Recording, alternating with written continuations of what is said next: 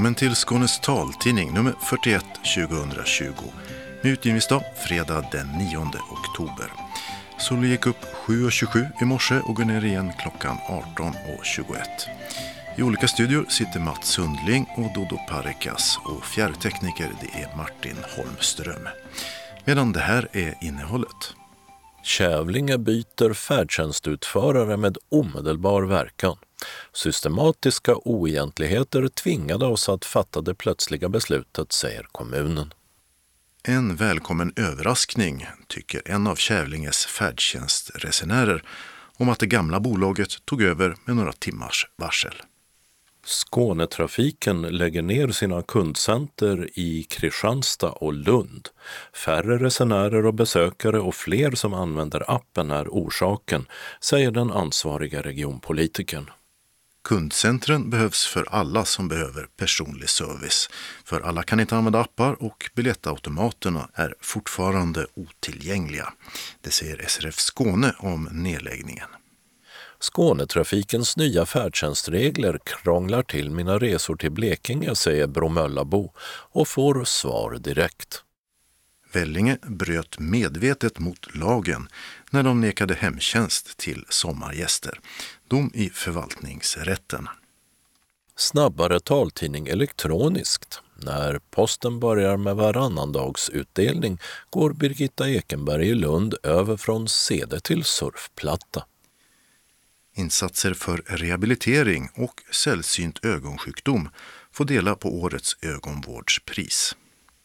Det är viktigt att vi respekterar varandra och varandras olikheter. Sveriges nya diskrimineringsombudsman Lars Arrhenius vill ha ett öppet samtal om diskriminering och kränkningar.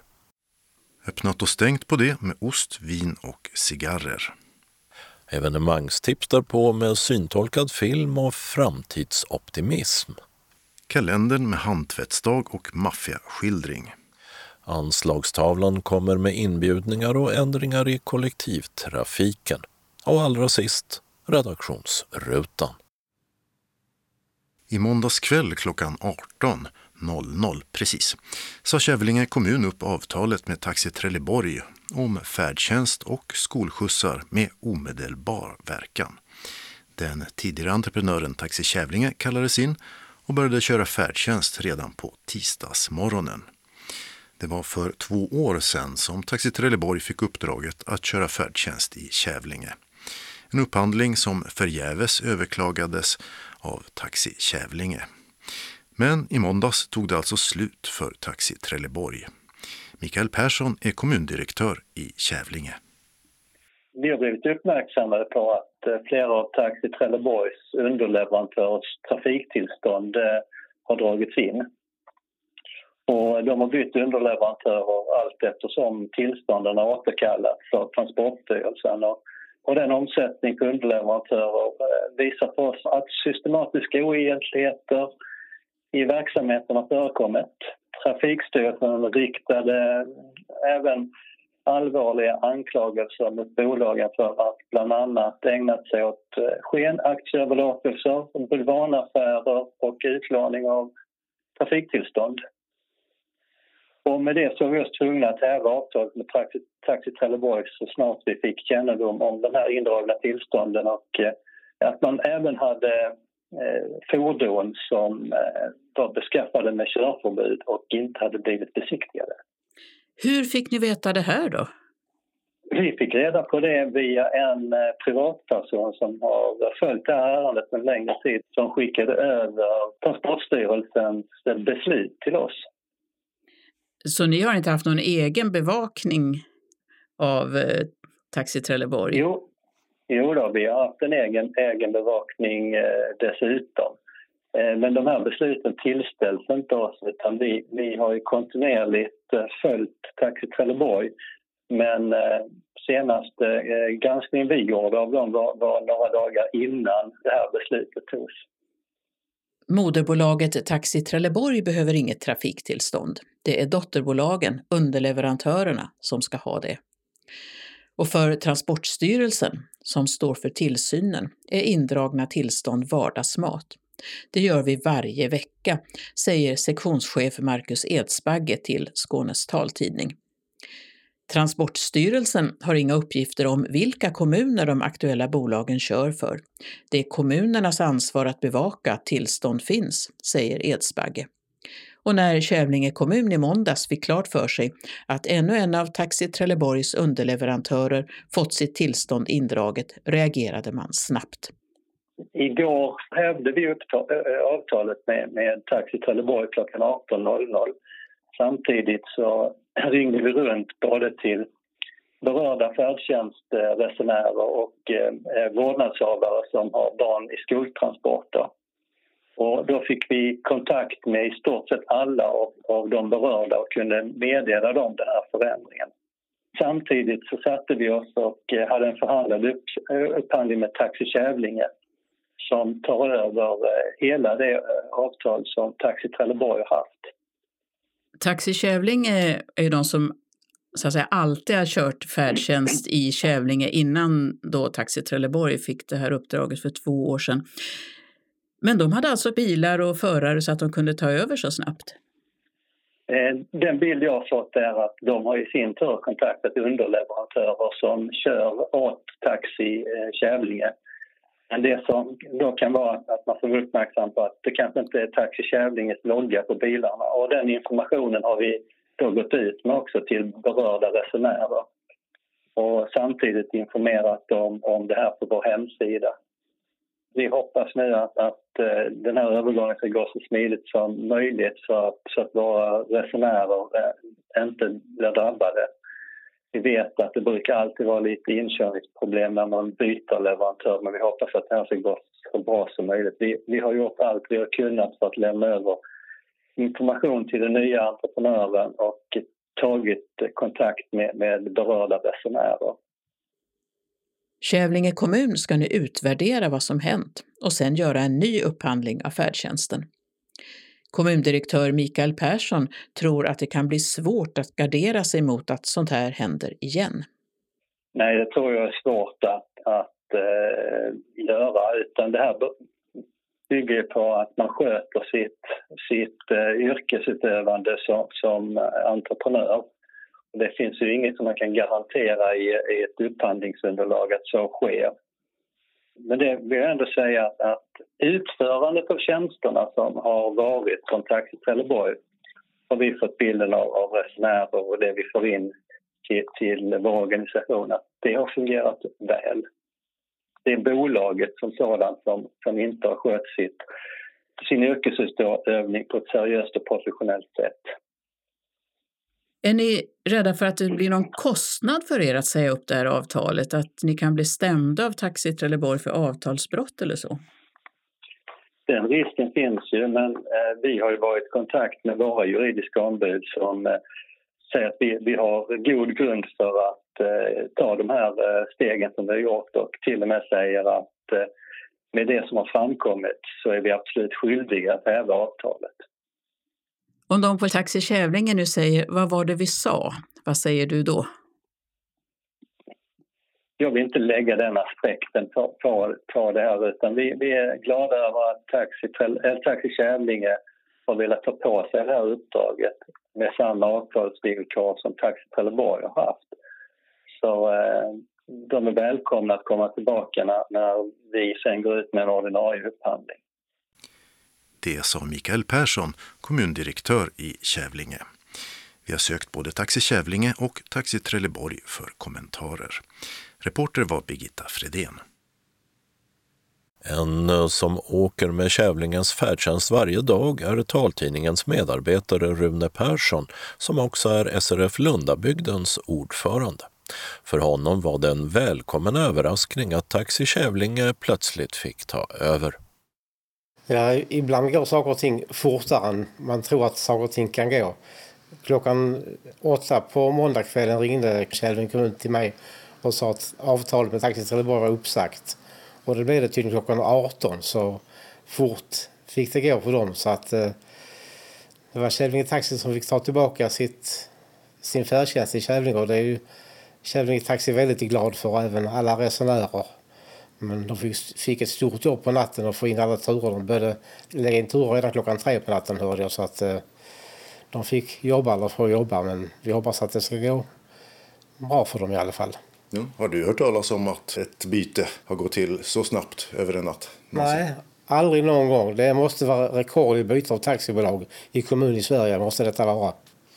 På måndagskvällen så åkte du härifrån med Taxi Trelleborgs färdtjänst och så åkte du hit på tisdagen med Taxi Kävlinge. Ja, jo, så blev det. Du är nöjd med att få tillbaka Taxi Kävlinge som har kört i många år innan. Varför då? Alla har tyckt väldigt bra om Taxi Kävlinge, eller Kävlinge Taxi som vi säger um, bra kundbemötande och har passat tider väldigt bra. Och, och det är människor man känner. Det blir som en stor familj så alla är jätteglada att de kommer tillbaka.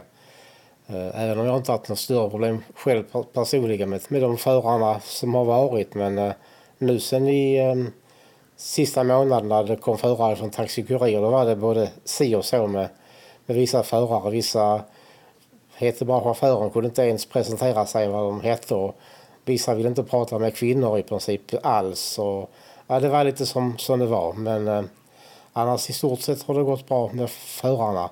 Där även de har haft väldigt dåliga avtal med sitt bolag. Men det är en helt annan fråga. Mm. Taxi Kurir är en av de här underleverantörerna som moderbolaget Taxi Trelleborg som har avtalet med kommunen då har anlitat. Alla de här oegentligheterna med obesiktigade bilar och sånt, är det någonting du har märkt av? Eller annat? Nej, inte nu. I början när de kom in som bolag så körde de med väldigt gamla bilar som kunde vara ungefär tio år gamla och så. Och de hängde knappt ihop vissa bilar. Och det, var ju, det har de varit kända för Taxi Trelleborg i alla tider. Så att, eh, men de skärpte till sig och, och bytte eh, en hel del bilar. Så att eh, jag har inte haft något problem med bilarna när, när jag åkt hit eller åkt någonstans. Det har gått bra. När kommuner byter färdtjänstutförare brukar det normalt vara efter en lång upphandlingsprocess som kanske överklagas och sen så har Eh, som ska ta över tid på sig att förbereda och sen brukar vi ändå kunna rapportera här i taltidningen att förare inte hittar och rutiner var inte på plats. Här gick det över en natt. Eh, några störningar så här långt? Lite eh, lång tid innan de kom. Igår på morgonen var alltså men eh, även om en del nya förare här också så de, de kör inte på GPS och kör längsta vägen som de andra gjorde utan de här kör kortast och snabbaste väg alltid, Kävlinge Taxi. Så det, det är mycket bra med det. Det tyckte färdtjänstresenären och Kävlingebon Rune Persson. Mats Sundling intervjuade honom. Skånetrafiken lägger ner sina kundcenter i Lund och Kristianstad. Det informerar de om i ett pressmeddelande förra veckan, vilket fått lokalpolitiker att protestera både mot beslutet och att de inget fått veta. I till exempel Lund har kommunstyrelsens ordförande Filip Sandberg sagt att han förlorat förtroendet för Skånetrafiken och att han nu utesluter att de ska få ta över färdtjänsten i kommunen. Något som ju var ett av alternativen för framtiden. Nedläggningen av kundcentrarna motiverar Skånetrafiken med att fyra av fem resenärer numera använder deras app för biljettköp och att besöken minskat kraftigt. Kundcentret i Lund hade 55 000 besök från januari till augusti i år jämfört med 171 000 samma tid 2017. Försäljningen av biljetter vid kundcentren minskade med 71 procent mellan augusti 2018 och augusti i år. Och det är orsaken till nedläggningen. Det säger kollektivtrafiknämndens moderata ordförande Karina Sachau. I samband med det nya biljettsystemet så har vi noterat att eh, besökssiffrorna har gått ner väldigt markant på våra kundcenter. Eh, framförallt i eh, Lund och Kristianstad och också försäljningen har minskat betydligt. Och det har det gjort inte bara nu under corona utan det har det också gjort i den, i den undersökning vi gjorde när vi jämför mellan 2018 och 2019. För att den statistik som finns i det pressmeddelande som skickats ut så jämförs ju med 2020 och där är ju minskningen mycket stor på grund av coronan. Ja, absolut. Och därför har vi också kontrollerat hur ser minskningen ut mellan 2018 och 2019. Ni säger att det är 80 procent som köper biljett via appen, men det betyder att var femte resenär då inte använder appen. Vad erbjuder ni dem istället nu? I Kristianstad och Lund så kommer vi att ha ett... Vi har idag flera ombud på de, i de två städerna men för att ersätta våra kundcenter så kommer vi ha ombud med ett, ett större uppdrag som innebär att man ska egentligen kunna göra exakt samma som vi har gjort på, på våra kundcenter. Eh, men då anpassat efter att det är mindre besökare och mindre försäljning. Men ombud som ska göra mera vill väl också ha mera betalt? Ja, men inte i... Eh, vi, vi, vi ser ändå att det finns en möjlig besparing här på närmare 12 miljoner kronor. Men om ni har ombud då som eh, ger ungefär samma service, behöver ni ha något som helst kundcenter kvar då? I Helsingborg och Malmö så är besökandesiffrorna och försäljningen fortfarande väldigt hög. Eh, och av det skälet så har vi inte no i, dagsläget några förslag på att göra några förändringar i Helsingborg och Malmö. Dessutom är de två städerna också porten in för många av våra turister och besökare som besöker Sverige normala år ska vi väl säga då. Eh, och av det skälet så kan det behövas just i de två städerna som är gränsar mot, mot Danmark. Kundcentren i Lund och Kristianstad ska enligt Skånetrafikens målbild stänga i månadsskiftet mars-april nästa år. Ett beslut som inte kommer att omprövas, även om coronapandemin skulle släppa sitt grepp och kundtillströmningen öka, säger Karina Sackau. Nej, det kommer vi inte att göra. Lokalerna är uppsagda och, och personalen har förhoppningsvis eh, blivit väl omhändertagna och kan gå vidare till andra arbetsuppgifter inom Skånetrafiken. Men eh, vi tror att Eh, inte att den ökningen kommer tillbaka även efter coronaepidemin utan vi tror att det här är ett ändrat beteende. Vi, eh, vi, allt fler köper som sagt sina biljetter i appen och eh, de som behöver den hjälpen får den hjälpen hos då våra ombud. Och framförallt när vi då får ett, ett ombud med, med ett utökat uppdrag så tror jag att det kan bli väldigt bra. Pressmeddelandet med beskedet om nedläggningarna kom i onsdags i förra veckan. Dagen innan hade Skånetrafiken ett möte med Lunds politiker, men sa då ingenting om att kundcentret skulle stängas. Varför hemlighölls det? Det väljer jag att inte kommentera. Varför inte? Det är interna angelägenheter som jag inte vill kommentera i dagsläget. Det ledde ju till att Lunds kommun nu säger att de absolut inte kan tänka sig att låta Skånetrafiken ta över färdtjänsten i Lund. Hur kommenterar du det? Jag tycker givetvis att det är väldigt, väldigt tråkigt att, eh, att de eh, väljer att blanda in den frågan. Eh, vi eh, har erbjudit Lund ett eh, avtal som vi uppfattar som ett bra avtal för Lunds sida där de som kommun skulle kunna spara ett antal miljoner kronor om året. Jag tror att det var någonstans mellan 3-4 miljoner kronor om året på att eh, låta Skånetrafiken ta över färdtjänsten. Och eh, där vi skulle kunna sköta beställningscentralen som eh, vi har i Hässleholms kommun, även till Lund då i det fallet. Men kan du förstå om man i Lund känner sig arg och besviken Ja, eh, jag hade ju en dialog, eh, eller ett samtal med Filip på onsdag förmiddagen och berättade och jag hade, eh, det här är ju en, hur, hur man informerar personalen sköts ju av förvaltningen. Och jag hade vid det tillfället inte någon, någon korrekt information om när det skulle ske. Eh, vilket vi har tagit med oss, både jag och Filip, till nästa gång att vi ska också se till att vi säkerställer när de här sakerna släpps ut i media. Det hade varken jag eller Filip med oss på, på morgonen när vi pratades vid. Så jag kan förstå deras besvikelse och eh, så är det tyvärr ibland. Men, men eh, tror inte det hade hjälpt så mycket om jag hade sagt det på tisdagen på kvällen. Det tror jag faktiskt inte. Det sa Karina Sachau, moderat ordförande i Region Skånes kollektivtrafiknämnd. Vi har sökt Lunds kommunstyrelseordförande Filip Sandberg.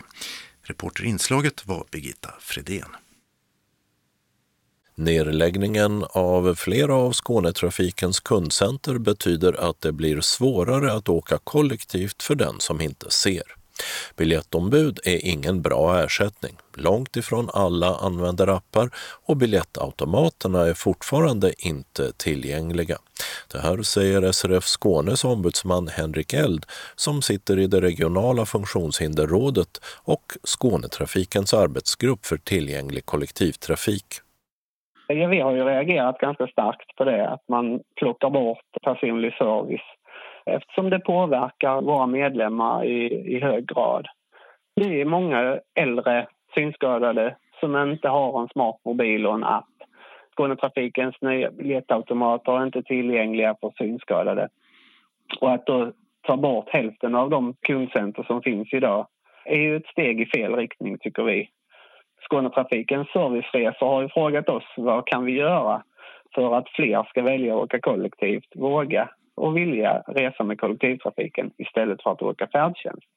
Och där har ju en sak varit eh, bland annat att det behövs personlig service. Här går man rakt emot det och vill ta bort de här två kundcentren. Karina Sakau, kollektivtrafiknämndens ordförande i Region Skåne, säger bland annat att det kommer att finnas eh, många ombud och bättre ombud som ersätter. Räcker inte det? Nej, därför att eh, det är ofta en pressbyrå eller någon annan handlare eh, i närheten av stationen som tar hand om den här uppgiften då. Och det är ju quick fix. De vill sälja så mycket eh, läsk och snus och så vidare som möjligt.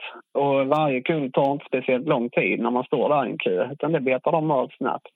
Och om man då kommer med lite krångliga frågor om eh, tågtider och och vilken perrong och hur man löser biljett så stoppar man ju upp hela deras verksamhet. Det kommer att bli många suckar bakom en i kön. Det är jag rätt så övertygad om.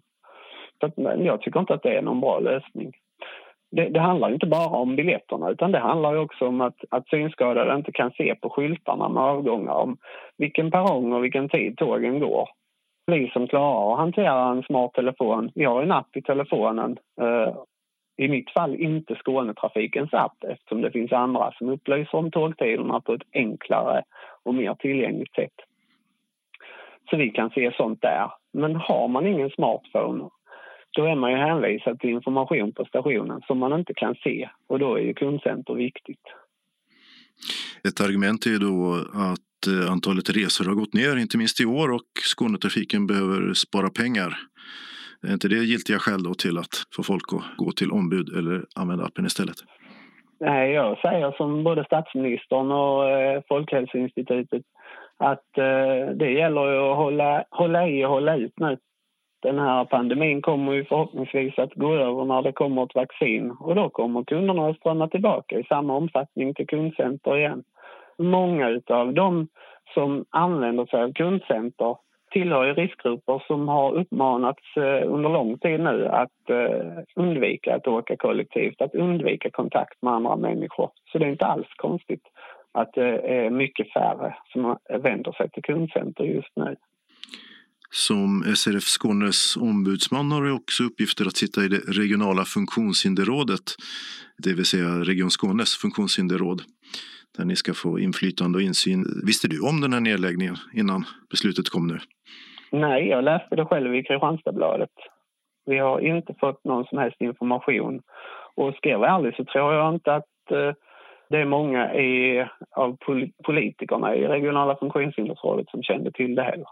Som jag har förstått det så är det ju faktiskt en hel del politiker som har reagerat på detta och tyckt att eh, det här är inte ett beslut som tjänstemännen kan fatta utan eh, det ska upp i kollektivtrafiknämnden. Du berörde biljettautomaterna och för den som inte känner till dem så kom det ju nya sådana som man skulle kunna köpa biljett i den 13 december förra året. Och det var utlovat innan att den här gången skulle de vara tillgängliga för synskadade, men det var de inte, utan istället skulle man eh, senare se till att så blev fallet. Och sen ehm, hade ingenting hänt i våras, för då hade man haft fullt upp med appar och annat. Men sen skulle man minsann ta krafttag eh, när det gäller tillgängligheten för synskadade. Ehm, ja, vad har hänt? Vad händer på det området? Eh, så vitt jag vet ingenting. Sista kontakten jag hade eh, med ansvariga eh, för biljettautomaterna eh, var före semestern och eh, jag fick väl närmast uppfattningen att de tyckte att jag var tjatig och att de hör av sig när de har något nytt att komma med. Men eh, det tror jag inte de gör så vi måste fortsätta att ligga på. Vi har ju eh, försökt att eh, påverka detta ända sedan mars förra året. Det har skilts på en det ena än det andra. Att, ja, det var upphandlingar som ställde till det, överklagande av upphandlingar. Och sen har det varit då, fullt upp med att sjösätta och få systemet att fungera för man har behövt lägga resurser på appen. Så avslutningsvis där, hur tycker du, eller vad behöver Skånetrafiken göra för att göra resandet så tillgängligt som det behöver vara? Ja, de behöver lägga helt enkelt mer krut på eh, tillgänglighetsfrågorna. Sa Henrik Eld, ombudsman på SRF Skåne som är Synskadades riksförbunds Skånedistrikt. Reporter var Mats Sundling. Skånetrafikens nya färdtjänstreglemente började gälla den 1 oktober. Och även denna vecka har vi en läsarreaktion. Synskadade Jonas Lövgren i Bromölla är kritisk till att man inte längre kan åka över regiongränsen till grannkommunen utan måste beställa riksfärdtjänst. Eh, jag tror framförallt att det kommer drabba personer som bor eh, i norra Skåne, eh, som bor nära länsgränsen till exempel så har Bromölla ett nära samarbete med Sölvesborg som då ligger i Blekinge. Och eh, där personer till exempel har dagliga verksamheter eller det blir lätt att man, man vill kanske gärna åka till eh, en grannkommun. Jag tror inte att det drabbar eh, lika mycket alltså om man bor mera mitt i Skåne så där. Då har man inte eh, kanske lika stort behov av att resa över länsgränserna. Och på vilket sätt drabbar det dig? Ett av mina barn eh, har en korttidsvistelse i Sölvesborg. En insats som är beviljad av Bromölla kommun. Eh, det här betyder att jag, eh, om det skulle bli någonting så kan inte jag hämta eller lämna honom på den här korttidsvistelsen. Eftersom jag inte kan åka färdtjänst och då måste jag boka riksfärdtjänst. Vilket inte jag kan planera det för att jag vet inte i situationer om, om någonting händer. Och då har det känts bra att kunna åka med honom. Varför kan du inte använda riksfärdtjänsten till detta? Det är för att riksfärdtjänsten ska bokas tre veckor i förväg och eh, då måste man också ange exakt när och var och hur de här resorna ska göras. Så går ju inte det. Jag kan inte bara med kort varsel boka en färdtjänst och hämta eller lämna honom, vilket inte känns tryggt. Men använder du färdtjänsten över läns eller regiongränsen till Blekinge därför att det också är ett omland som ni använder er av? Alltså att åka och handla eller turista? Eller... Det gör jag. Det finns ju till exempel eh, matställen i, i det här fallet i Sölvesborg eller jag kanske åker till eh, ja, orter i Småland. Och det blir naturligtvis mer naturligt om man bor nära en länsgräns att man ta sig till grannstäder. Skånetrafiken menar ju att det här är en förenkling av regelverket, att nu vet alla vad som gäller. Man får inte åka utanför Skåne med Skånetrafikens färdtjänst. Vad tycker du om eh, den förklaringen? Nej, jag tycker att det verkar som en dålig omskrivning för någonting annat. Jag funderar jättemycket på liksom vad den egentliga anledningen är för jag tror att det finns en annan anledning bakom. Reglerna har ändå varit väldigt tydliga. I Skånetrafikens bestämmelser står tydligt till vilka orter man kan åka. Så jag tycker inte det här verkar ha varit ett problem. Samtidigt som man nu säger att det är så få som gör de här resorna så förstår jag ännu mindre varför det skulle vara ett så stort problem. Jag hade förstått om det var jättemånga frågeställningar kring hur långt jag får åka och, och sådär. Det är lite också ett slags eh, dumförklaring av, eh, ursäkta uttrycket, men alltså av de som använder färdtjänst att de inte skulle förstå regelverket. Om man menar att det inte av ekonomiska skäl, sägs det från Skånetrafikens sida, som man gör den här regelförändringen. Men jag menar ju att det borde kunna bli en ökad, dels en ökad administration och en, också en, i slutändan en ökad ekonomisk kostnad. Med tanke på att om man reser i riksfärdtjänst så eh, faktureras ändå de resorna till Skånetrafiken i alla fall. Och de måste ju ändå sitta handha de här ärendena.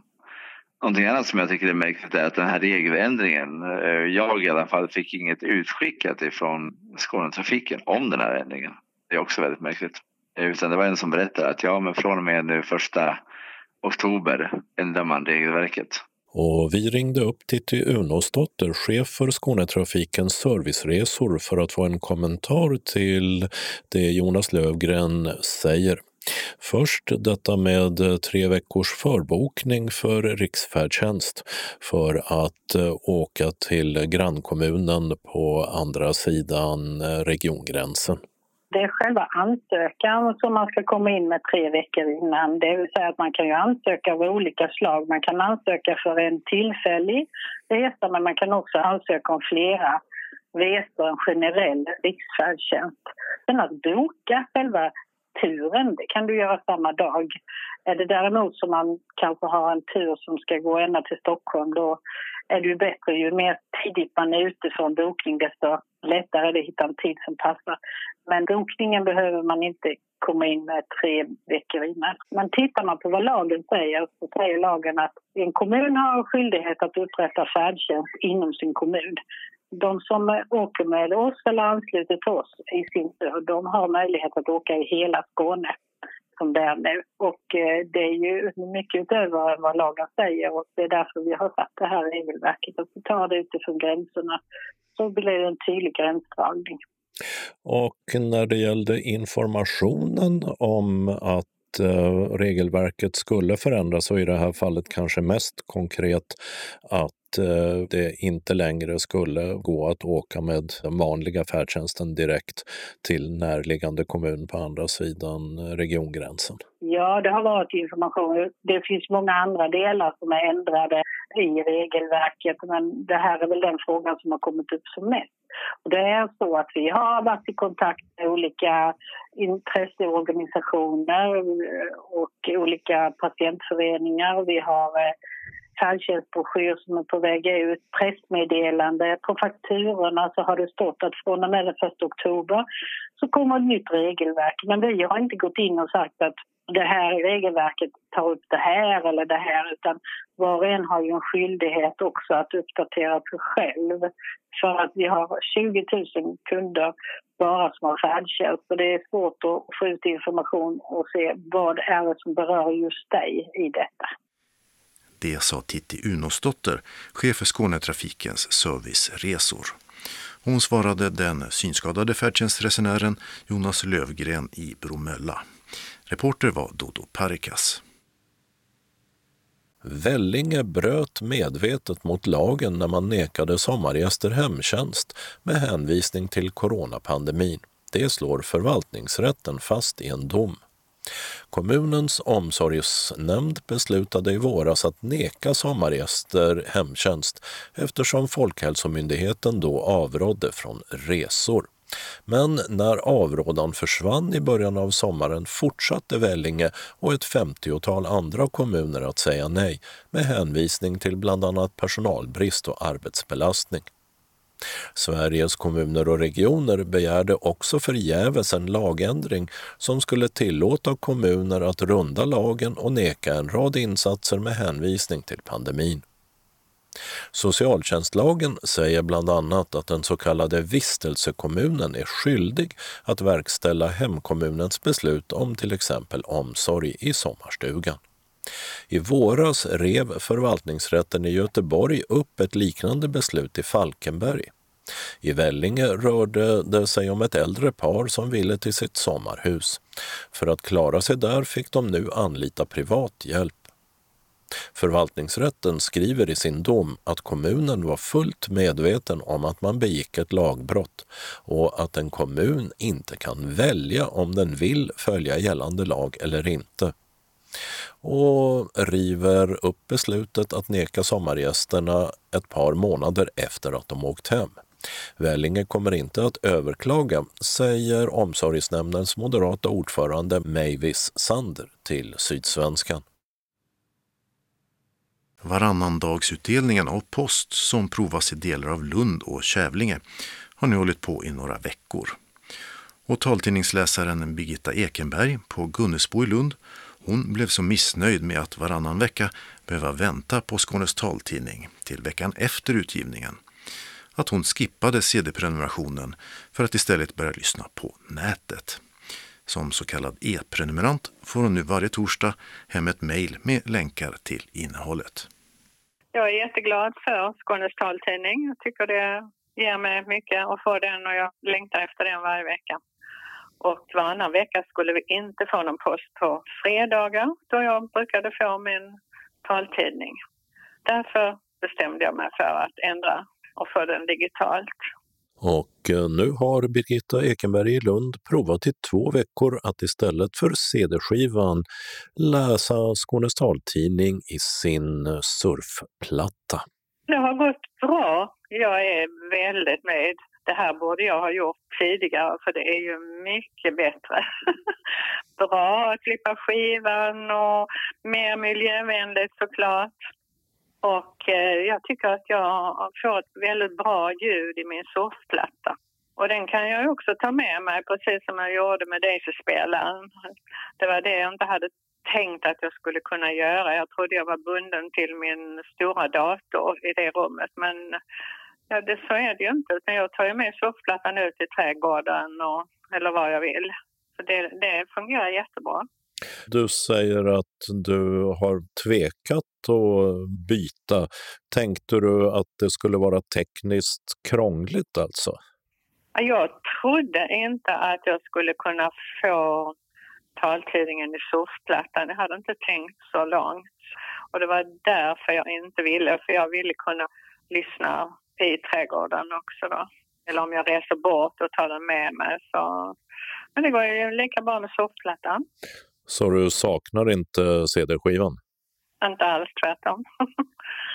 Vad säger du till eh, den som är lite tveksam och precis som du eh, tänker att ja, man kanske skulle byta och kanske skulle gå över? Ja, då säger jag tveka inte. Det är minst lika bra. Och eh, detta med att posten inte kommer varje dag. Hur har det påverkat dig i eh, övrigt? Det här löste du genom att eh, börja lyssna på tidningen på nätet. Men eh, hur har övergången till varannandagsutdelning eh, märkts i övrigt? Ja, det är lite kort tid kanske för att utvärdera. För förra veckan så fick vi post bara på tisdagen och på torsdagen. Och nu ska det då vara måndag, onsdag, fredag denna veckan. Och idag hittills har jag inte fått någon post. Det är, jag får ju också från biblioteket att man skickar talböcker till mig. Men det ska jag också ändra då för det, det är lika dumt det. Och um, de har dessutom tagit bort postlådan så jag kan inte returnera mina talböcker längre. Utan idag har jag varit nere i centrum och lagt på en, en bok som skulle tillbaka till biblioteket. Hur ska du läsa talböcker i fortsättningen? Ja, jag tänker att jag måste lära mig att ladda ner själv. Så att det återstår att göra och lära sig det? Ja, det gör det. Vad gör du då? Vänder du dig till biblioteket för att få stöd eller hur kommer du att ja, göra? Jag har hört att det är så jag ska göra, vända mig till biblioteket. Det sa taltidningsläsaren Birgitta Ekenberg i Lund. Och det hon gjorde för att komma igång var att anmäla till oss att hon ville sluta med CD-prenumerationen och istället bli så kallad e-prenumerant. Då får man ett mejl hem varje torsdag med information om innehållet och länkar till det senaste numret. Första länken i mejlet går till veckans nummer på vår hemsida skanestaltidning.se. Här finns eh, samma länkar som i mejlet och dessutom separata länkar till varje inslag. Andra länken går till en spellista. Här behöver man ett program på sin enhet som kan hantera spellistor. Om man har ett eh, sånt, till exempel Windows Media Player som finns i just Windows, så kan man lyssna strömmande och dessutom hoppa mellan artiklarna. Tredje länken den går till veckans tidning i mp3-format. Den kan spelas upp direkt i webbläsaren och kräver alltså inget annat program. Här lyssnar man också strömmande men kan inte hoppa mellan artiklarna. Om man högerklickar på länken så kan man spara filen på sin dator och sen spela upp den utan att vara uppkopplad. Fjärde länken laddar ner alla veckans artiklar plus en spellista i en komprimerad så kallad zip-fil för att spara plats. På sin dator kan man sedan eh, packa upp allt ljudet och lyssna på det man vill. Här lyssnar man inte heller strömmande. Och för den som har en Apple-enhet, alltså en iPhone eller iPad, är det bästa sättet att använda Apples inbyggda app Podcaster. Då kan du prenumerera på Skånes taltidning i appen så laddar den automatiskt ner nya nummer. Där kan du också hoppa mellan olika artiklar i tidningen. Utförliga instruktioner om allt detta och mycket mer finns under rubriken Frågor och svar på vår hemsida som alltså heter skanestaltidning.se. Kontaktuppgifter till oss om du vill bli e-prenumerant eller annars nå oss hittar du i redaktionsrutan sist i tidningen. Reporter här var Dodo Parikas. Synskadades riksförbunds ögonvårdspris går i år till rehabiliteringsforskaren Inger Berntsson vid institutionen för pedagogik och specialpedagogik på Göteborgs universitet och till Neil Lagali vid institutionen för biomedicinska och kliniska vetenskaper på Linköpings universitet där han fördjupat sig i ögonsjukdomen aniridi.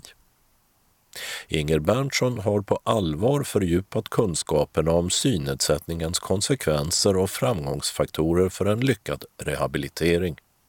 Den måste utgå från individens egna erfarenheter.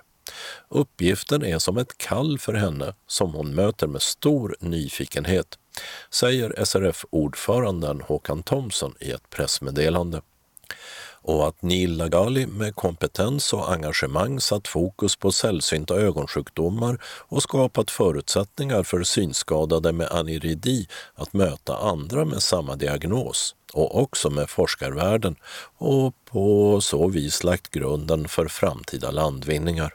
Prisceremonin äger rum i Linköping torsdag denna vecka som är den internationella syn eller ögondagen. Pristagarna får dela på 100 000 kronor.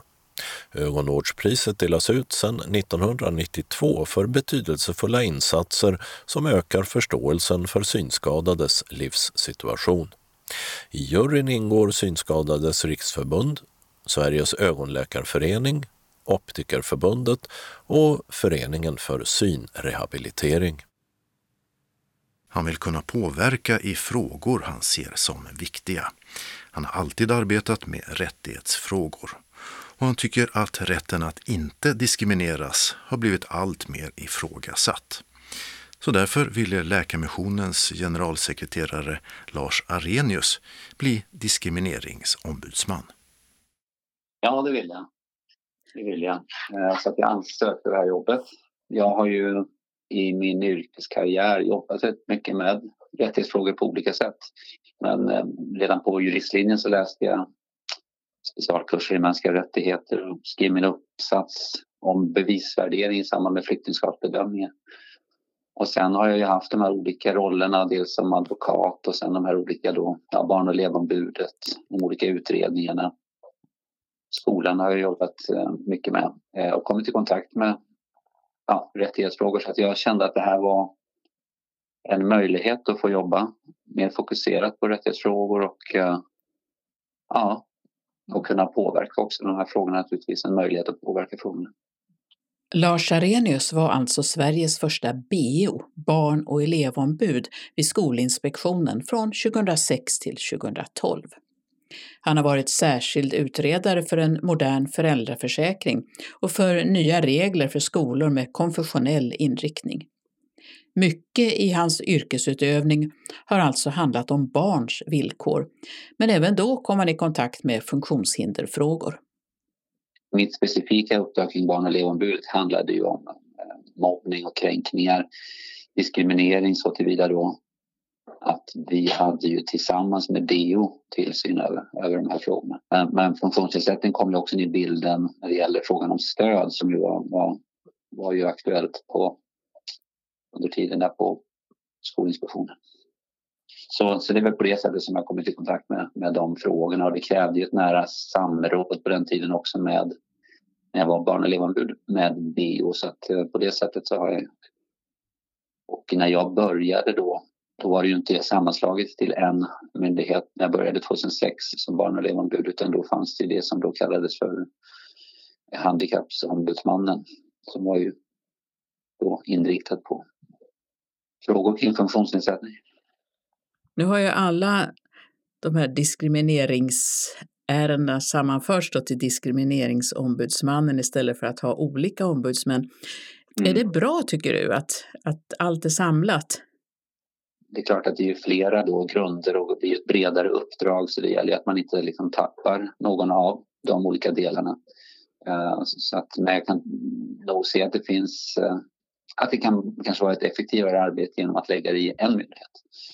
Men, men som sagt, återigen så gäller det då att man inte tappar bort någon diskrimineringsgrund.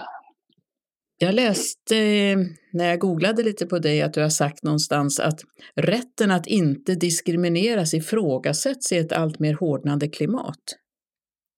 Eh, det är ett väldigt hårt samtal ibland kring rättighetsfrågor som jag inte tycker kanske leder framåt utan jag tror på ett mera liksom eh, en dialog där man liksom verkligen kan komma framåt. Jag tror liksom att man måste också inse att det här är frågor som berör oss alla. Att det är viktigt eh, för oss att när vi lever tillsammans och känna respekt och förståelse för varandra. Och för varandras olikheter helt enkelt. Ibland hör man ju att folk säger att eh, vi är så lättkränkta.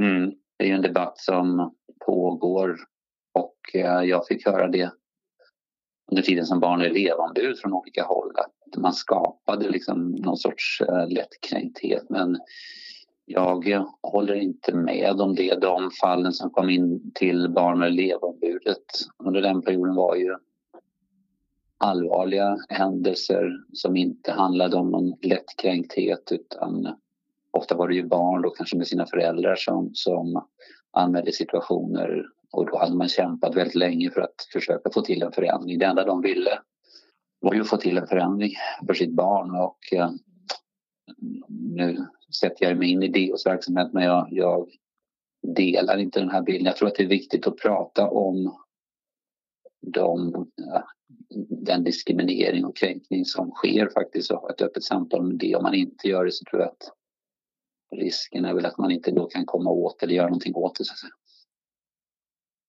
Nu eh, jobbar du på Läkarmissionen har du gjort ett par år och jag läste också någon intervju där du sa att det var drömjobbet. ja, jag tycker att det har varit ett jättespännande jobb. Det är ju olika projekt runt om i världen, i Afrika, Latinamerika, Asien till viss del. Och det har ju, har ju hela tiden funnits ett eh, rättighetsperspektiv i de projekten. Så på det sättet så är det ju också en rättighetsfrågor som jag har jobbat med där. Det har ju varit ett mer globalt perspektiv med alla de här olika och det ser väldigt olika ut i olika länder men eh, det har varit ett eh, väldigt roligt, intressant jobb. Eh, nu tycker jag att det här lockade ännu mer, jobbet som DO och att få ännu mer fokusera på rättighetsfrågorna och det är lite den bakgrund jag har innan så det känns rätt. Du har ju då utblick över hur det ser ut i världen och vi pratar lite om lättkränkthet och så. Hur är det egentligen i Sverige om du jämför med andra delar av världen med rättigheter, med diskriminering och så? Eh, svår fråga att svara på. Det ser väldigt olika ut men jag, men jag kan nog ändå tycka då det finns naturligtvis fortfarande utmaningar och problem men om man nu ska jämföra med andra länder så måste jag nog ändå då tycker jag att vi har kommit en bit ändå. Och det man kan, min reflektion är ut olika länder, det är just att de här olika då institutionerna som till exempel Diskrimineringsombudsmannen, att de är väldigt viktiga och att det, det, det fyller en väldigt viktig funktion. Det är ju funktioner som man inte har i alla länder men jag tänker de då funktioner, institutioner som står upp för mänskliga rättigheter. Jag har insett när jag rest runt i olika länder vikten av att ha det i samhället som står upp för de här rättigheterna. Det är viktigt. Sen är det klart att många omfattas ju av eh, internationella konventioner som länder har skrivit på och då, då är det ju de rättigheterna som, som gäller men som man kanske jobbar olika med naturligtvis. USA har ju sitt system där där det handlar väldigt mycket om de här domarna och praxis eh, som blir vägledande eh, för hur, hur man ser på de här frågorna. På ett sätt kan man ju tycka att de är väldigt starka, de här frågorna kring ja, medborgarrättsrörelsen och allting som har skett, den historia man har kring rättigheter, att det är väldigt tydligt med de här rättigheterna. Samtidigt kan man ju ändå, ja, under den utveckling som sker idag kan man ju ändå se att, att människor blir nu, det är väl, jag tänker främst då på ja, den stora rörelsen som har varit nu med Black Lives Matter och hela den historia man har kring diskriminering. Lars Arrhenius har haft det globala perspektivet redan från barnsben. Hans föräldrar var missionärer i Rwanda och Burundi i Centralafrika. Och han har bland annat jobbat med ECPAT, det globala nätverket mot sexuell exploatering av barn, och med FNs barnfond Unicef innan han fick sitt nuvarande drömjobb på biståndsorganisationen Läkarmissionen. Läkarmissionen arbetar med katastrofhjälp och utvecklingsarbete i ett 40-tal länder i världen. Och det är det han kommer att sakna när han den 1 december flyttar från Vällingby till Solna för att ta över som diskrimineringsombudsman efter Agneta Broberg. Jag kommer nog eh, nu finns det väl ändå ett globalt perspektiv på ett sätt på det men jag kommer ju inte, eh, jag har rest rätt mycket och besökt olika projekt under de här åren och eh, så det kommer jag sakna. Det sa Sveriges tillträdande diskrimineringsombudsman Lars Arrhenius. Han intervjuades av Birgitta Fredén. Öppnat och stängt. Statens servicecenter har tagit över delar av Arbetsförmedlingens kundtorgstjänster på orter där de fått lägga ner. I Skåne kan man nu söka jobb hos dem i Klippan, Kristianstad, Landskrona och Simrishamn. Servicecentrarna började öppnas för några år sedan i framförallt glesbygd för besök och vägledning i kontakterna med Försäkringskassan, Pensionsmyndigheten, Skatteverket och numera också alltså AF. I Hässleholm har cigarr och tobakshandlaren Cigar Club öppnat med rökverk i alla storlekar. Adressen är Godtemplaregatan 18. I Helsingborg har Ellis Ost och Delikatesser öppnat butik och cateringverksamhet på Bruksgatan 5. I Malmö har en fransk vinbar öppnat på Frisgatan 14 i lokalen där Red Snapper låg tidigare. Det är delikatessbutiken och bistron Le Gourmet som gjort en kort flytt in i större lokaler. De har öppet lunchtid och kvällar alla dagar utom söndag. Evenemangstips. Vi börjar med syntolkad film. Premiären på den animerade filmen Trolls 2, världsturnén, sköts upp i våras men nu har filmen nått biograferna. En annan film för en yngre publik som haft premiär är Wendy, en spin-off från klassikern Peter Pan. Till skillnad från den animerade Trolls är Wendy en spelfilm med riktiga skådespelare. Syntolkning samt uppläst text till bägge filmerna finns i de sedvanliga apparna. Trolls 2 för biobruk, Wendy för bio, tv, dvd och VOD, alltså video on demand. Syntolkad tv så. Torsdagar 21.00 visar TV4 den historiska dokumentärserien Drottningarna om åtta svenska drottningar från Karin Månsdotter på 1500-1600-talet till och med Gustav Vs gemål Victoria. Start 15 oktober och sen håller serien på till och med 3 december.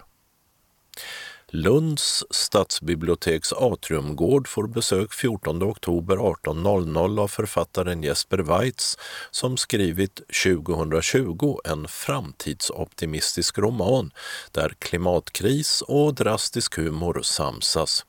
Jesper Weitz berättar om sina tankar rörande miljön och framtiden och annat som lett fram till hans bok. Föreläsningen ingår i programmet för Framtidsveckan vid Lunds universitet som pågår just under vecka 42. Torsdagen den 15 oktober 12.00 är föreläsningstemat i Atriumgården Humor i kris med bland annat etnologen Lars-Erik Jönsson som skrivit boken Skratt som fastnar. För kan coronakris och klimatkris vara skrattobjekt?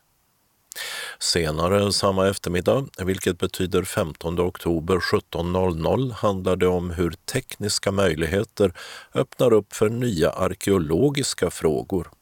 Berättar då gör arkeologen Björn Nilsson. Om att finna fysisk aktivitet i vardagen handlar programmet den 16 oktober 11.00. Och läkaren Hans-Bertil Hansson han talar om den utrotade farsoten smittkoppor 20 oktober 18.00. Onsdag 21 oktober samma tid diskuterar en expertpanel om hur den pågående pandemin kan sätta fart på omställningen till ett hållbart samhälle. 22 oktober, också 18.00, är temat krigsbrott i Afghanistan. Föreläser då gör utrikeskorrespondenten Therese Kristiansson. 27 oktober, också 18.00, handlar historikern Joakim Östlunds föreläsning om Sverige och slaveriets historia i ny belysning. 28 oktober, fortfarande samma klockslag, är temat kollektivtrafik i glesbygd. Rubriken lyder Transporter, glesbygd och coronakris, följt av ett frågetecken. Föreläsaren heter Lena Hiselius från K2, ett nationellt kunskapscentrum för kollektivtrafik. För samtliga de här programpunkterna på Atriumgården på Lunds stadsbibliotek gäller att man måste föranmäla sig på bibliotekets telefon 046 359 59 90 eller e-posta folkbiblioteken snabela lund.se. I Idrottens hus C-hall i Helsingborg kan man spela synskadesporten goalball onsdagar mellan 16 och 17, närmast den 14 oktober. För att delta mejlar man ordet goalball samt datum, ditt namn, telefonnummer och dina sex första siffror i personnumret till e-post idrottsoasen snabela helsingborg.se senast dagen innan. Utrustning finns att låna och personal finns på plats. Idrottens hus har telefonnummer 042 10 32 49 och adressen den är Mellersta Stenbocksgatan 10. Så lite Ystadsjazz under rubriken The Sofa Sessions. 14 oktober uppträder saxofonisten Carl Martin Almqvist och gitarristen Johan Lejonhuvud på Soft Social Club, Stora Östergatan 3 i Ystad. 28 oktober kommer gitarristen Anders Chico Lindvall. 11 november återvänder Carl Martin Almqvist, då i sällskap med Christer Jonsson som sen eh, spelar ensam 25 november och 9 december. Starttid är alltid 19.30 och programmet kan komma att utökas under hösten. Förhandsbokning ska göras via Soft Social Clubs Facebook-sida eller på telefon 0411 106 66. Vi har tidigare berättat att författaren och språkexperten Sara Lövestam kommer till Sjöbo bibliotek den 19 oktober 18.30 till 20.00. Men Lövestam gör faktiskt en hel liten turné. 20 oktober 18.30 till 19.30 så talar hon på Tomelilla bibliotek.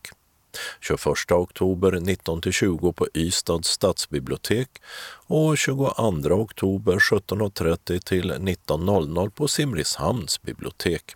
Föranmälan skall göras till respektive bibliotek. En gratis lunchkonsert som bjuder på ett blandat program med klassisk musik och jazz med musikstuderande från Sundsgårdens folkhögskola blir det den 20 oktober 12.15 till 13 i Konserthusets lilla sal, Helsingborg. Biljetter hämtas i kassan. Konserthuset nås på telefon 042 10 42 80. Borrby bokdag skulle ha ägt rum tidigare i år men blir nu istället av den 31 oktober på Borrby bio, Sandbyvägen 4. Medverkar gör bland andra tidigare akademiledamoten Claes Östergren, artisten, entreprenören och numera även författaren Dominika Peczynski samt hennes make, tidigare finansministern Anders Borg, självbiografiförfattare även han. För mer information ring 0709 853 546.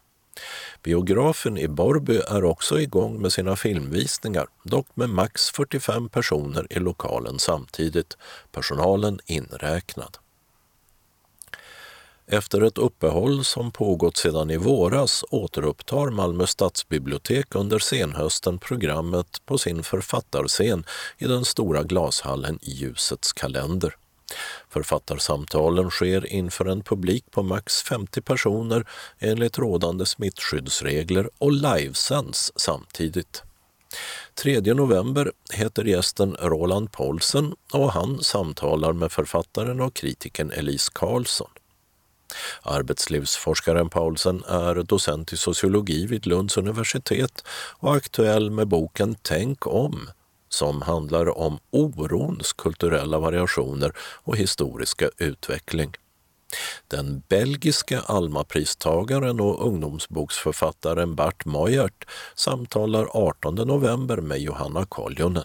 I november utkommer också den svenska upplagan av Moyerts första roman för vuxna, Gras.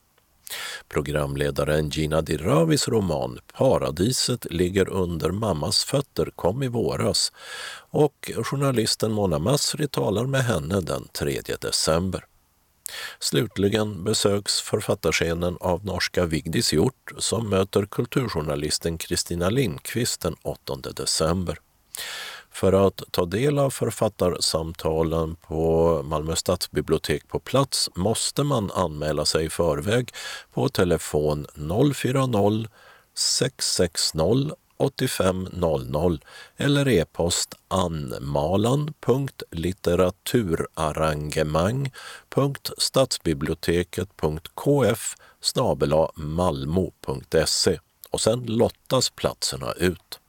För den som varken kan vara på plats eller följa samtalen i direktsändning på nätet via författarscenens Facebook-sida så finns de kvar efteråt på hemsidan malmo.se författarscenen.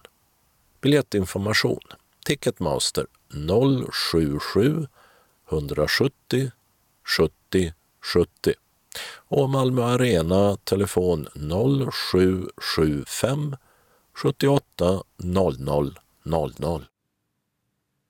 Kalendern. Måndagen den 12 oktober börjar årets 42 vecka. Valfrid och Manfred har namnsdag. Spanien firar nationaldag till åminnelse av att den italienske, närmare bestämt genovesiske sjöfararen Kristoffer Columbus detta datum 1492 steg i land i vad han hade hoppats var Indien. Men han befann sig i ögruppen Bahamas mellan Florida och Kuba. Cristobal Colón, som Columbus heter på spanska, var ute på de spanska regenterna Ferdinand och Isabellas uppdrag och hans ankomst öppnade upp för spansk kolonisering på andra sidan Atlanten. Sett från de koloniserades horisont uppmärksammas dagen i bland annat Mexiko istället som dagen för ursprungsbefolkningars motstånd, medan andra latinamerikanska länder helt enkelt kallar den Columbusdagen. Och så har hundra år passerat sedan schlagersångerskan Tori Bernhards föddes. Hennes karriär var lång ända in på 1990-talet. Mest känd är hon nog för den tårdrypande Vildandens sång från 1951 om en andhona vars partner blir skjuten. Tori Bernhards själv levde till 2014 då hon avled i Helsingborg. Tisdagen den 13 oktober firar Birgit och Berit namnsdag. Onsdagen den 14 oktober är Stellans namnsdag. Det är även räkmackans dag. Jämt hundra år har förflutit sedan Malmökonstnären, illustratören, tv-personligheten med mera Åke Arenhill föddes. Stiliserade, ibland erotiserade kvinnofigurer och skånska landskap fanns bland hans favoritmotiv. Arenhill dog i november 2018. Den brittiske sångaren Cliff Richards framförande av låten Congratulations från 1968 hör till Eurovisionsklassikerna. Karriären den har gått upp och ner för den tidigare The Shadows-medlemmen. En nedtur var i samband med anklagelser om sexuellt utnyttjande av minderårig, något som dock slutade med ett rekordhögt skadestånd till Richard från BBC. Nu fyller han 80 år. Torsdagen den 15 oktober är internationella handtvättsdagen instiftad av bland annat Unicef och USAs folkhälsomyndighet för att främja god handhygien, företrädesvis med vanlig tvål, något som under den rådande coronapandemin blivit extremt aktuellt. Under antiken inföll den romerska skördefest som kallades oktoberhästen eller Equus oktober detta datum. Den innefattade bland annat kappkörning med tvåspann. Tyvärr för ekipaget som vann offrades även den ena av vinnarparets kusar. På dagen för 30 år sedan kungjordes att den siste Sovjetledaren Mikhail Gorbatjov tilldelats Nobels fredspris för att, som det står på fredsprisets hemsida, han avblåste den kalde krig. Och för hundra år sedan födde den amerikanske författaren Mario Puzo, mannen bakom bland annat maffiaskildringen Gudfadern och andra böcker med liknande tema. Puzo gick bort 1999. I bokform, ofta även som talbok, lever han dock vidare. Och namnsdagsbarnen de heter Hedvig och Hillevi. Fredagen den 16 oktober är det Finn som har namnsdag. Gullik fick däremot bara vara med ett tag på 1790-talet. Detta datum år 1945, alltså för 75 år sedan, bildades FNs livsmedels och jordbruksorganisation FAO. Dagen uppmärksammas som Världshungerdagen vars syfte är att öka medvetenheten om hunger och fattigdomsfrågor. Nu under coronapandemin är detta smärtsamt aktuellt. Enligt aktuella FN-prognoser kommer antalet människor som lever under svår livsmedelsbrist och svält i det närmaste att ha fördubblats sedan förra året, från 135 miljoner till 265 miljoner. Och 65 år har passerat sedan svenska folket sa nej till att gå över till högertrafik. Reformen genomfördes dock 1967. Lördagen den 17 oktober är Antonias och Toinis namnsdag medan danskarna firar Florentinus och norrmännen Marta samt Marte. Efter världshungerdagen den 16 kommer internationella dagen för utrotande av fattigdom och i coronavirusets spår ökar fattigdomen åter i världen för första gången sedan 1998, bland annat eftersom många lågavlönade arbetare i världen inte längre kan arbeta under pandemin och dessutom saknar skyddsnät. För 210 år sedan hölls den första oktoberfesten i den bayerska huvudstaden München. Årets tyska ölhävarfest ställdes dock in av förklarliga skäl. Söndagen den 18 oktober har Lukas namnsdag. För hundra år sedan föddes den grekiska skådespelaren, sångerskan, politikern med mera Melina Mercouri som avled 1994. Ett år tidigare gick skådespelaren Ulf Palme bort, även han född 1920. Och den som vill höra hans karaktäristiska röst har 376 talböcker inlästa av Ulf Palme att välja mellan. Anslagstavlan är idag gemensam för hela Skåne och innehåller inbjudningar, efterlysningar, referat och meddelanden från kollektivtrafiken. Synskadades förening Kristianstad-Bromölla inbjuder först sina medlemmar till kamratträff torsdag den 22 oktober klockan 14 till 16.30 i Östermalmskyrkans lilla sal. Adressen är Lasarettsboulevarden 6. Vi kommer att spela bingo, fika och umgås i enlighet med rekommendationer om avstånd med mera. Handsprit finns. Och om vi inte känner oss riktigt friska stannar vi hemma förstås. Anmäl dig senast söndag den 18 oktober till TINA. Telefonen 070-635 41 14. Varmt välkomna till en stunds gemenskap. SRF Lundabygdens valberedning meddelar att de behöver inspiration. Vi efterlyser synpunkter, tankar och intresse. Hej kära medlem! Vi i SRF Lundabygdens valberedning skulle gärna ta del av dina tankar och förhoppningar angående föreningens framtida verksamheter. Vad skulle du vilja få ut av ditt medlemskap? Detta är av intresse för oss då vår uppgift är att försöka hitta och föreslå personer vid årsmötet i mars till SRF Lundabygdens styrelse.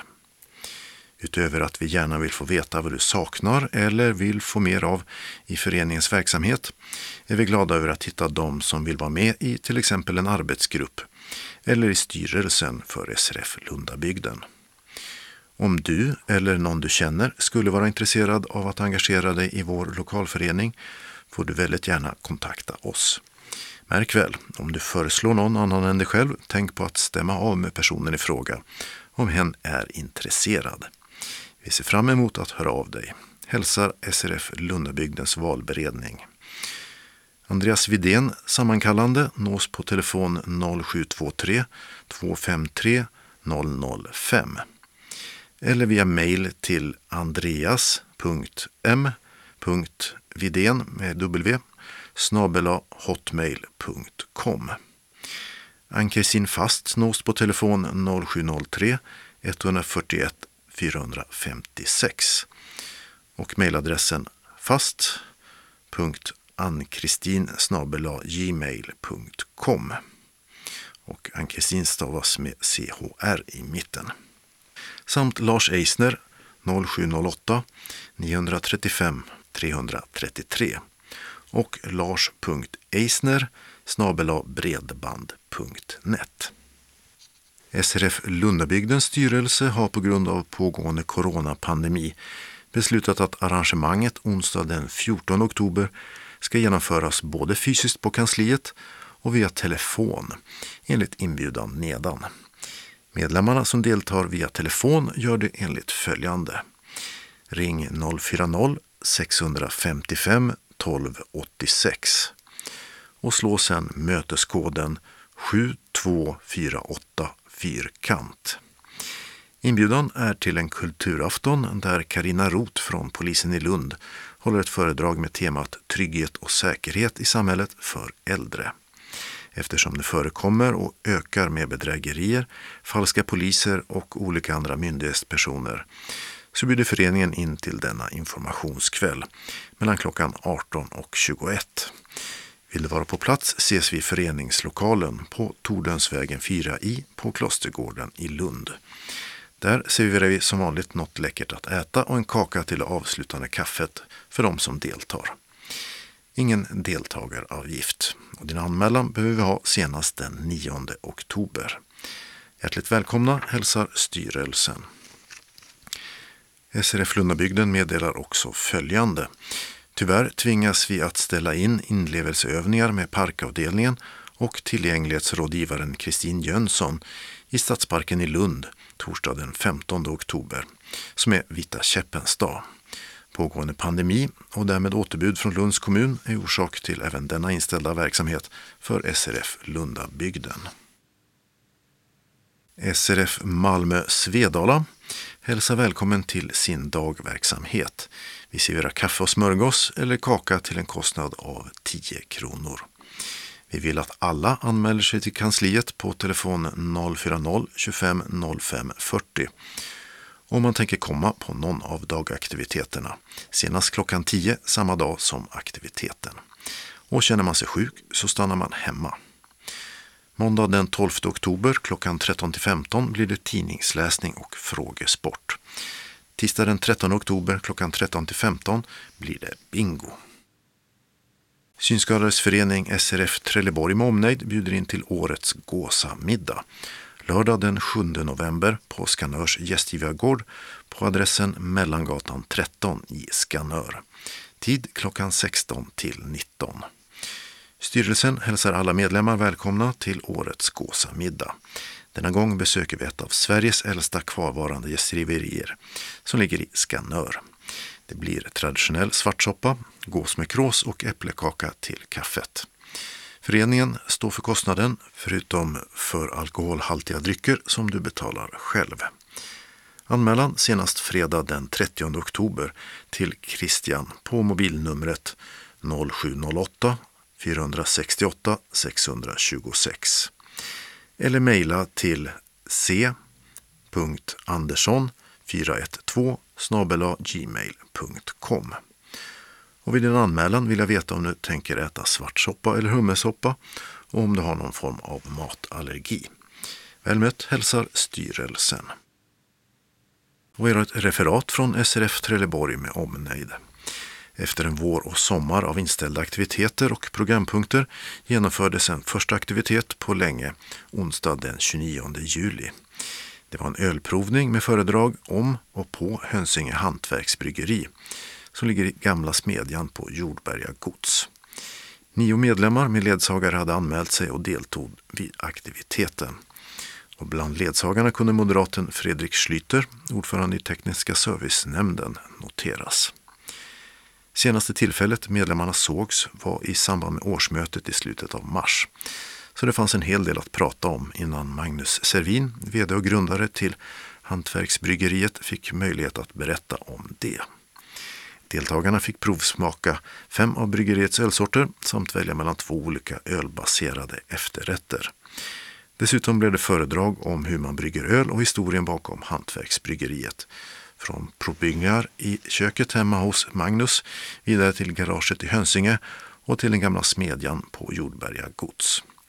Föreningens medlemmar lämnade bryggeriet efter två trevliga timmar. Då hade de fått stilla sin törst på god öl och fått kunskap kring hur det bryggs. Nedtecknat av föreningskassör Ulf Bingsgård. Och vi avslutar med några ändringar i kollektivtrafiken. I Hör har man börjat göra hållplatsen Orupssjukhuset tillgänglig och den är därför stängt i bägge riktningar. Resenärer med regionbuss 445 hänvisas till tillfälliga stolpar. För läge A finns det en 30 meter framåt i körriktningen och för läge B 40 meter bakåt. Den 23 oktober klockan 15 ska de vara ordinarie alltså då, vara i bruk igen.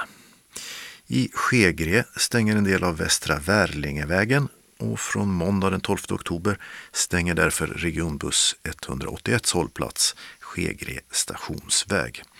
En tillfällig hållplats ställs upp på Skegre byaväg cirka 230 meter åt sydväst. Den 23 oktober klockan 16 ska den vanliga funka igen. I Hässleholm stänger hållplatsen Stadshuset A den 12 oktober klockan 7. Resande med regionbuss 536 och 542 hänvisas till hållplatsen Tekniska skolan A fram till den 14 oktober klockan 16. Och i Malmö har man börjat ett större arbete på Mariedalsvägen vilket fått stadsbusslinjerna 3, 7 och 8 att ta en annan väg.